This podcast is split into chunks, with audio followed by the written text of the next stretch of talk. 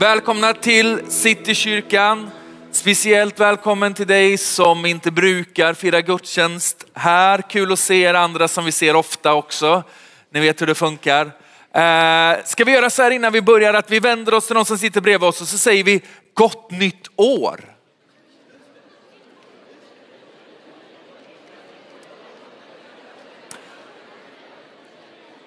Och förvirringen i blicken på den ni pratar med avslöjar hur mycket de är en pingstvän och hur mycket de är en ekumen. Idag är det nämligen första advent och första advent är första söndagen på kyrkoåret. Så ännu mer korrekt så kanske vi säger gott nytt kyrkoår. Var det någon som mötte en förvirrad blick? Ni är så snälla så ni vill inte hänga ut de andra. Jag såg det på er. En del har ingen koll. Jag heter Alfred, en av eh, pastorerna här ska predika idag. Eh, vi hade en, haft en kanonhelg, får man säga så? Du vet, I torsdags hade vi julbord med personalen och så börjar man få lite sån julvibes. Vi var nere i Nybroviken heter det va? På en ångbåt och så ut på vattnet och så käkade vi julbord och så hittade jag någon, någon gubbröra som jag tyckte var så otroligt god. Du vet för i ärlighetens namn så är det ingen liksom special, liksom, inget koncept så, så är ju julbord vad det är lite grann, eller hur? Och så äter jag den här gubbröran och känner att det är ändå något med lite tryck i, det är lite sälta, det är lite smak och så inser jag, skit också. Är det inte ansjovis i det här? För jag äter ju inte fisk. Och sen var den förstörd. Så det är ett litet så problem. Eh, så jag åt fisk och sen så mådde jag lite dåligt hela kvällen över mitt liksom snedsteg. Tänk om det är någon som berättar nu att det inte är fisk i gubbröra, då, då blir det liksom helt rörigt i min hjärna. Men men ändå, tack ska vi väl säga till församlingen. Det var ni som bjöd. Eh, så det var tack. Det var jättefint. Eh, sen så åkte jag rakt ut i skogen och så sov jag i en hängmatta i det liksom lätta snöfallet. Det var en kanoningång på helgen. Nu så ska vi släppa min helg. Nej, en till. Så igår, det var lite så lite sordin på allting. Igår eftermiddag, Helen ligger hemma och är lite liksom krasslig, det börjar rätta till sig. Men så eh, hade vi eh, julmarknad nere i Sköndal där vi bor. Nere på Stora Sköndal var det julmarknad. Och Helen sa, jag hade lovat att stå i något sånt här äh, stånd tillsammans med barnen och sälja lite grejer. Du vet, de ska in klubb, pengar till fotbollsklubben. Teas fotbollslag, hon spelar för Enskede IF. Och så kom vi ner dit och det var väldigt mysigt. Du vet, så där, det är ju kransar och det är ljusstakar som någon har gjort och det är lite korv och ni vet hur det funkar, eller hur? Man kan köpa någon oklar liksom björnkorv och det går att köpa någon glugg som någon har gjort och sådana där grejer. Enskede IF sålde så här powerbars och tacotillbehör. Eh, det var ingen storsäljare på julmarknaden. Det var helt två borttappade timmar i mitt liv. Eh, men så kan det vara. Nu ska vi be. Herre, vi tackar dig för ditt ord. Vi tackar dig för att det är levande och verksamt. Eh, och nu ber vi att du skulle tala till oss, att det skulle få bli till uppmuntran, eh, utrustning och få leda till, till tjänst. Gör ditt ord levande i våra liv och kom helige ande och tala till oss. Vi ber så i Jesu Kristi namn. Amen. Så det är första söndagen i, i kyrkoåret, oavsett om man är en van kyrkobesökare eller om det här är första gången som du är i kyrkan eller är i kyrkan på väldigt länge, så tror jag att den här söndagens tema eh, faktiskt har någonting att säga till oss. Vi ska börja med att läsa den texten som är kopplad till den här söndagen vi hittar den i Matteus evangelium kapitel 21 och vers 1. Då står det så här. När de närmade sig Jerusalem och kom till Betfage vid Olivberget sände Jesus iväg två lärjungar och sa till dem, gå in i byn där framför er. Där ska ni genast finna en åsna som står bunden med ett föl bredvid sig. Ta loss dem och led dem till mig. Om någon säger något till er ska ni svara, Herren behöver dem. Och han ska strax skicka iväg dem. Detta hände för att det som var sagt genom profeten skulle uppfyllas. Säg till dotter Sion, se din konung kommer till dig, ödmjuk och ridande på en åsna, på en arbetsåsnas föl. Lärjungarna gav sig iväg och gjorde som Jesus hade befallt dem. De hämtade åsnan och fölet och la sina mantlar på dem. Och han satt upp den stora folkmassan bredde ut sina mantlar på vägen, andra skar kvistar från träden och strödde på vägen. Och folket, både de som gick före honom och de som följde efter, ropade Hosianna, Davids son, välsignade han som kommer i Herrens namn. Hosianna i höjden. När han drog in i Jerusalem kom hela staden i rörelse och man frågade, vem är han? Folket svarade, det är profeten Jesus från Nasaret i Galileen. Jag tänker att vi behöver liksom fylla på eh, bibelkunskapen lite. Det händer ett par lite märkliga saker här och det används en del speciella ord. När de ropar Hosianna så är det ett rop som egentligen betyder hjälp.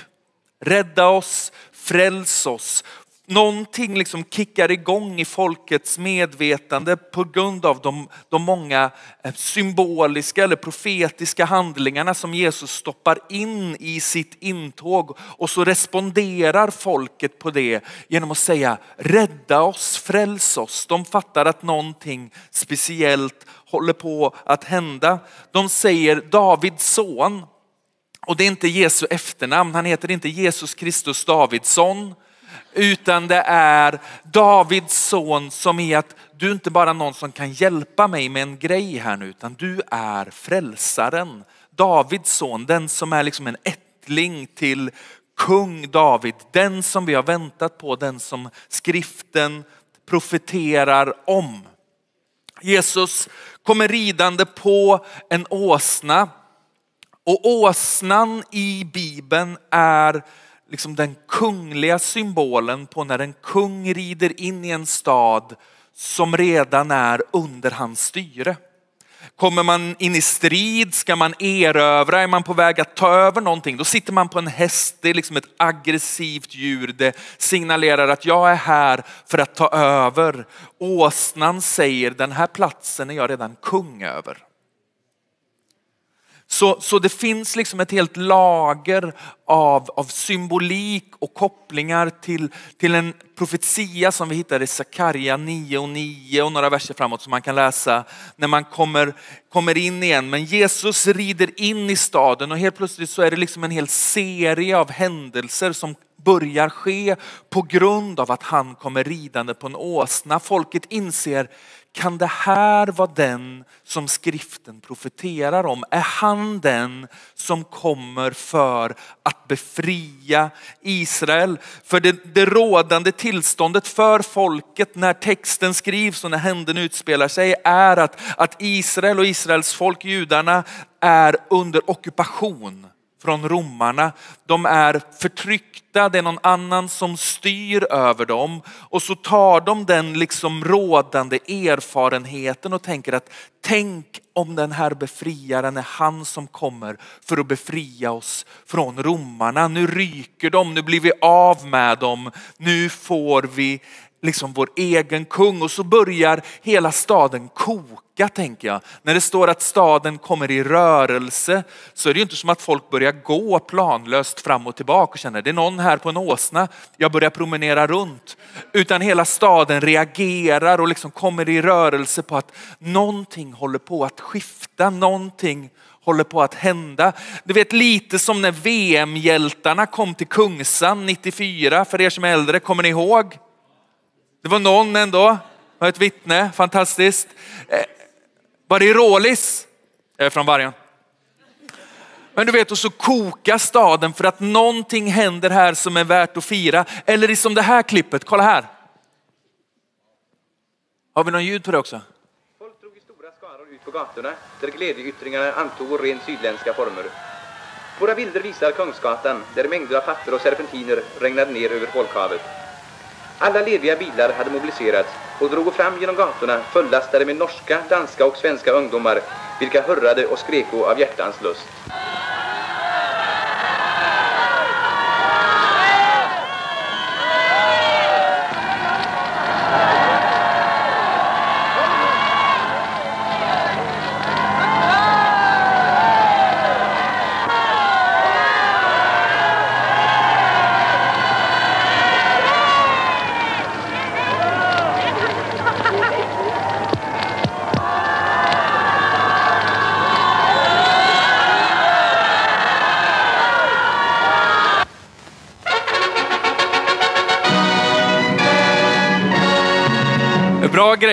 Det här är sådana gamla journalbilder från när man firar att, att andra världskriget är slut. Eller att liksom tyskarna ockuperat 7 maj 1945 när svensken firar i nästan sydländska former. Det tycker jag liksom är ett starkt central. Och att ungdomarna, vad sa de?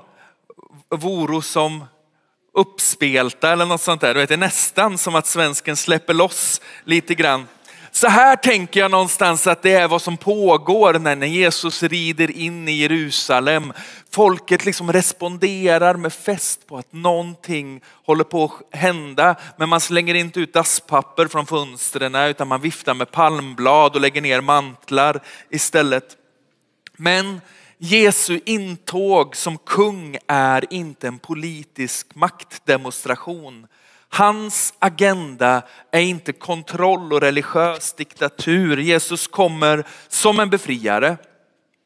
Men inte primärt från ockuperande makter runt omkring oss utan från brustenheten och synden i oss. Jesus är alltid goda nyheter för den som kämpar, för den som sörjer och för den som, som lider. Så här säger Jesus själv i en annan av första advents liksom evangelietexter som vi hittar i Lukas evangelium kapitel 4 och vers 14.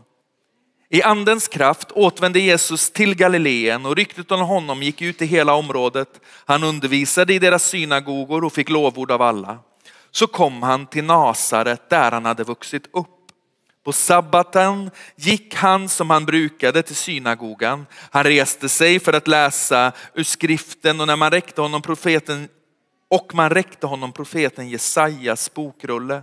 När han öppnade rullen fann han stället där det stod skrivet Herrens ande är över mig för han har smort mig att förkunna glädjens budskap för de fattiga fattiga. Han har sänt mig att utropa frihet för de fångna och syn för de blinda. Att ge de förtryckta frihet och förkunna ett nådens år från Herren. Sen rullade han ihop bokrullen, räckte den till tjänaren och satte sig. Alla i synagogan hade sina ögon fästa på honom. Då började han tala till dem. Idag har det här stället i skriften gått i uppfyllelse inför er som lyssnar. När Jesus rider in i Jerusalem så signalerar han att, att, att jag är inte en profet bland profeter, jag är inte en lärare bland lärare, jag är inte en rabbi bland rabbis. Då blir det någon sorts gotlandsgrej, va? vad konstigt. Vad säger man, vad är en rabbi i plural? Rabbiner, tack. Rabbisar, det är något annat. Ja. Rabbiner. Jag är inte en bland många, jag, jag utskiljer mig från mängden. Jag är kung, jag är den som ni väntar på. Men det rike som han representerar tar sig inte uttryck i, i den formen som de riken som vi känner igen liksom gör. Utan hans rike är av en annan sort och beskrivningen som han gör i Lukas 4 är beskrivningen om, om hur det riket ser ut, om hur det ser ut där, där kungen går fram, om hur det ser ut där Jesus får råda och regera. Och så säger han, där, där, där jag dyker upp, där jag är, där är det glädje för de fattiga. Vi lever i ett samhälle där, där den ekonomiska fattigdomen är på frammarsch, där, där barnfattigdomen faktiskt är högre än på väldigt länge. Och vi lever också i ett samhälle där många upplever bara livet som fattigt. Tomt på mening, en brist på glädje, framtidstro och hopp där oro och ångest på något sätt kramar ur varenda droppe av entusiasm och förväntan på en ung generation.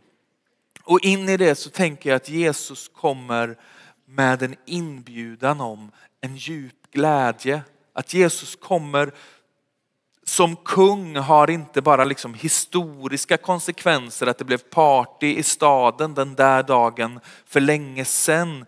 Utan samma rörelse pågår år efter år. Idag är första dagen på ett nytt år, liksom kyrkans liv börjar om igen och starttexten som vi börjar i och startpunkten som vi tar är att Jesus gör någonting nytt. Han gör alltid någonting nytt. Där han går fram kommer han med ett nådens år från Herren och så säger han det jag har att erbjuda den som har varit kristen hur länge som helst och den som inte känner mig överhuvudtaget. Det är glädje istället för fattigdom, någon sorts djup tillfredsställelse istället för en inre tomhet. Och så fortsätter han och så säger han, jag kommer också med frihet för de fångna.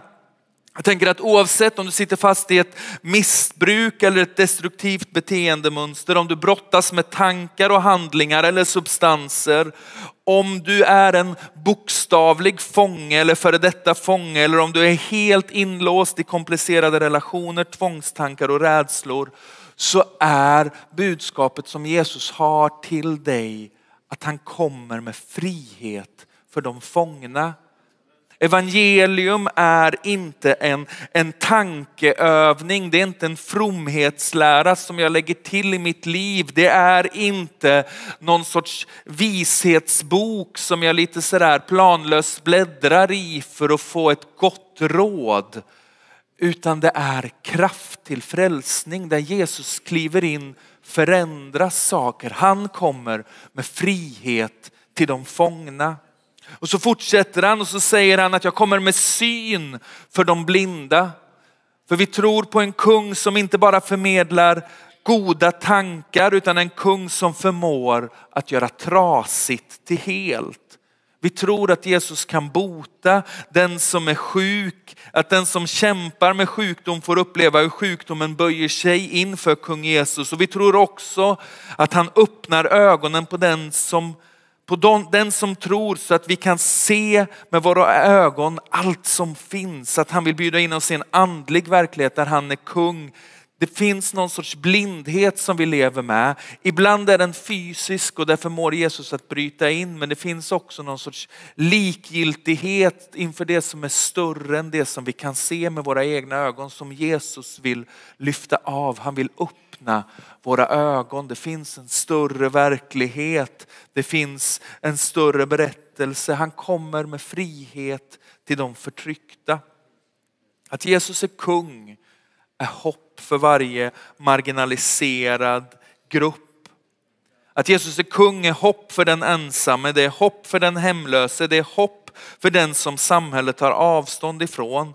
Jesus kallar sin kyrka att stå på de svaga och utsatta sida och hans upprättande erbjudande till varje människa som är förtryckt är att ge dem en ny identitet.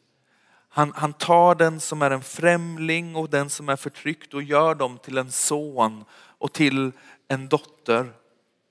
Men framför allt så förkunnar Jesus ett nådens år från Herren. Jesu ärende till dig och till mig är ett nådens år, alltså en ny start. Jag vet inte hur, hur året eh, som ligger bakom blev för dig. Kanske finns något som du önskar att du hade gjort annorlunda, något ord du önskade liksom att du kunde stoppa tillbaks in i munnen, någon handling som inte blev som du hade tänkt. Jag vet inte vad som, som gör ont i dig, vad du brottas med. Eh, men jag vet att Jesus kommer med ett nådens år från Herren. Om några veckor så är det nyårsafton. Vi firar nyår här tillsammans. Som en liten sån extra plugg. Kom hit vid åtta tiden, vi, vi fikar, vi äter tillsammans och så ber vi in det nya året efter det. Men det som också händer då det är att vi avger våra nyårsluften, eller hur? Luften där jag är liksom helt utlämnad till min egen karaktär. Eller hur? Jag bestämmer mig för att... Punkt, punkt, punkt. Och så vet man med säkerhet att det där är det väldigt få människor som orkar liksom fullfölja. Det är därför det är så otroligt billigt att joina något gym runt nyår. För de vet att det kommer att vara fullt en månad här och sen så kommer vi bara ligga och casha in på de pengarna ett helt år. För liksom 80 procent av er kommer inte orka mer än fyra gånger. Och så blir den idén om förändring i egen kraft någon annans lycka. Men ett nådens år från Herren är erbjudandet Jesus, e- e- erbjudandet Jesus ger och ett verk Jesus gör. Det hänger inte på min kompetens eller min karaktär. Ett nådens år från Herren är inbjudan att Jesus kliver in i våra liv och avslutar ett kapitel och påbörjar något nytt. Jag möter alldeles för många människor som på ett eller annat sätt är fångna i det förgångna. Det kan vara bitterhet över eh, hur livet blev. Eller bitterhet över vad andra har gjort mot mig som gör att jag, jag lever låst till det som har varit. Det kan vara en sorg över att livet blev som det blev, att den där vännen eller, eller personen rycktes ifrån mig för tidigt, att den där dörren blev stängd för mig, att det där jobbet inte dök upp att den där liksom chansen jag hade på något sätt rann mig ur händerna och så lever jag med sorgen över det som inte blev. Det kan vara nostalgi, längtan efter det som var. En del av er kunde nog känna när den här gamla journalfilmen rullade igång, att gamla Sverige ändå alltså. Och så är det där någonting farligt för vi längtar efter det som aldrig kommer komma igen. Vi blir bundna till det förflutna. Vi kan leva låsta i skam över saker som vi har gjort. Om du bara visste vad jag har gjort så skulle du inte se på mig med sådär hoppfulla ögon. Jag har ett mörker som du inte har en aning om. Och när Jesus kommer som kung så kommer han också med erbjudandet om en ny start ett nådens år från Herren. Vi tänker att det där är ibland kanske någonting som sker en gång. När jag var ung för länge sedan, då räckte jag upp min hand i någon kyrka och så blev jag frälst och där började jag om. Men jag tror att den där inbjudan är ständigt stående. Inbjudan att börja om, vare sig du har vandrat med Jesus väldigt länge nu eller om det här är första gången du är i en kyrka och du försöker avkoda vad som händer och sker. Jesu erbjudande till oss är en ny start, ett nådens år från Herren, att få lämna det gamla bakom oss och få kliva in i något nytt. Jag skrev en sång för, för ett gäng år sedan med, med några kompisar eh, som heter eh, Vi vänder om. Och så skickade vi iväg den där på så här liksom teologisk referens till, till någon pastor. Eh, och, och, hela liksom konceptet i låten var någon som, en syndabekännelse. Och så fick vi liksom återkopplingen att ja, men det där var ju en kanontext. Men när ska jag sjunga det här egentligen? Kände jag, vad i hela friden? Du vet, jag behöver börja sjunga sången från början innan jag är klar med den. Liksom. Man ställer ju till det hela tiden. Liksom. Livet är en ständig liksom sådär, nu gjorde jag det igen, förlåt Gud och så börjar vi om. Men han hade någon sorts känsla av att nej, men jag, liksom sa ju förlåt för 30 år sedan, det räcker väl, så kanontext men den är oanvändbar för jag är ju redan förlåten. Så kände jag att vi krockade lite, vi hade lite olika syn på det här med behovet av omvändelse men det är en, en härlig broder i Herren ändå. Men det är det. Men Jesu erbjudande till var och en av oss är, ska vi inte börja om?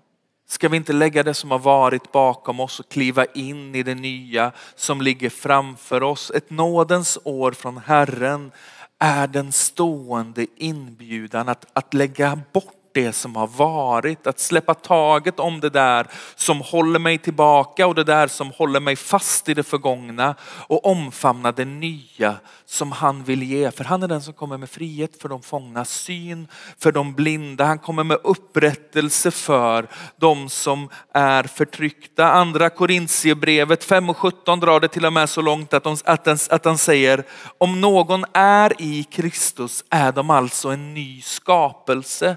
Det gamla är förbi och något nytt har kommit. Problemet är bara att många av oss har en tendens att leva som att det gamla fortfarande finns kvar och att det nya inte riktigt har hänt än. Vi håller fast vid de där grejerna i livet som, som blev jobbiga och som blev tråkiga och inte att det är fel att sörja och inte att det är fel att minnas. Men det blir problematiskt när det hindrar mig från att sträcka mig från det som Gud har för mig, eller hur? När jag lever fången i det fördolda istället för fri i den framtiden som Herren har för mig. Jesus är expert på en ny början. Och det är inte så att det är inlåst till första advent.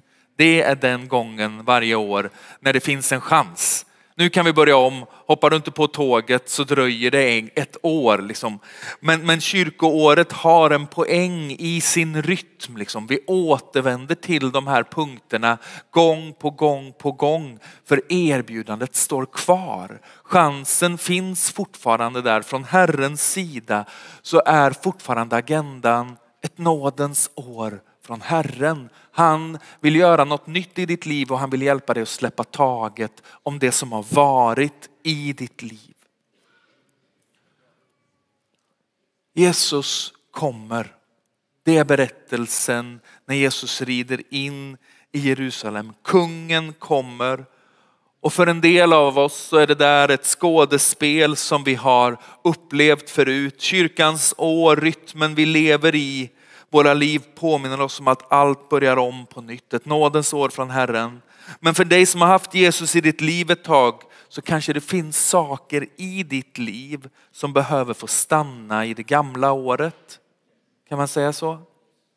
Att det finns en del saker som du inte ska släpa med dig ett helt kalendervarv till.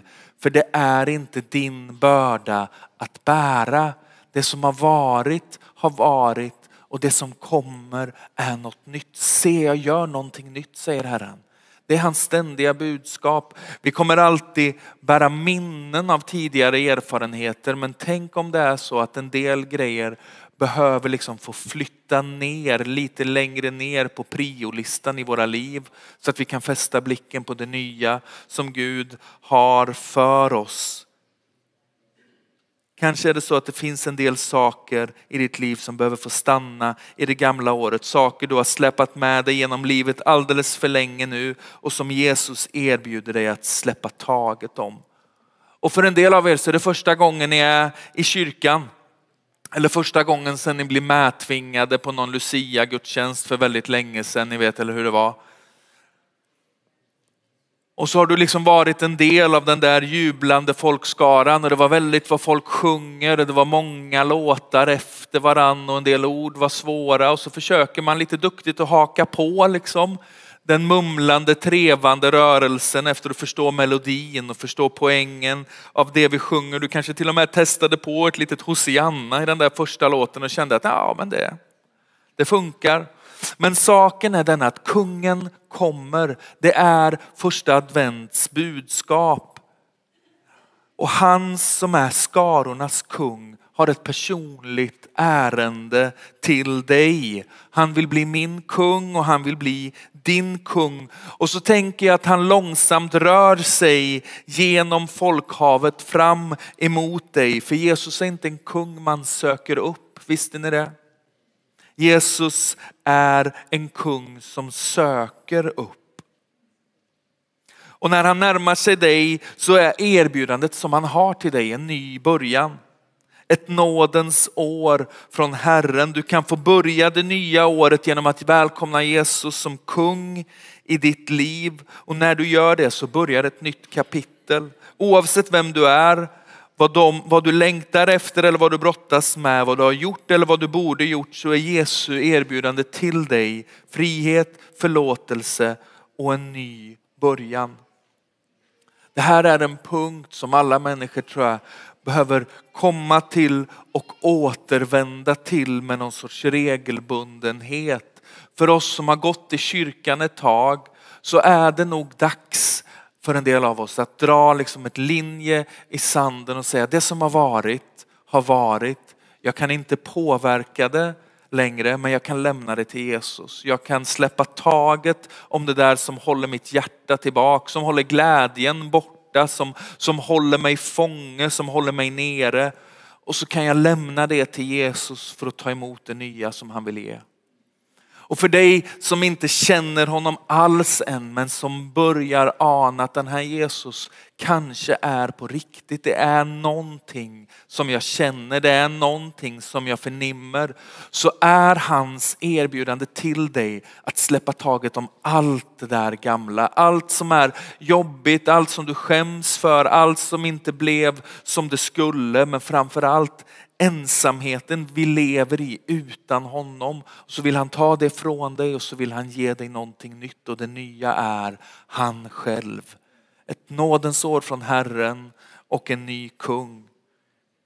Kommer ni ihåg Jesu ord? Herrens ande är över mig för han har smort mig till att förkunna glädjens budskap för de fattiga. Han har sänt mig att utropa frihet för de fångna och syn för de blinda, att ge de förtryckta frihet och förkunna ett nådens år från Herren. Sen rullade han ihop bokrullen, räckte den till tjänaren och satte sig. Och alla i synagogan hade sina ögon på honom då han började tala till dem. Idag har det här stället i skriften gått i uppfyllelse inför er som lyssnar. Idag så börjar året om. Idag börjar kyrkans år om. Och erbjudandet till oss är att få lägga bakom oss det som har varit för att omfamna det nya som han vill ge. Jesus är den som kommer med liv och liv i överflöd. Det gamla är förbi och något nytt har kommit. Så jag tänker att vi ska fira nattvard tillsammans. Ni som är nattvardstjänare, ni kan få gå och göra er i ordning och Jorge ska snart Eh, föra oss eh, in i nattvarden. Men under nattvarden idag, på väg fram, så, så ta dig en funderare, du som har gått i kyrkan ett tag. Vad är det som håller mig tillbaka? Vad är det för erfarenheter jag har? Vad är det för, för sorg jag bär? Vad är det för sår som, som liksom finns där som gör att jag någonstans alltid känner mig lite tillbakahållen av livet.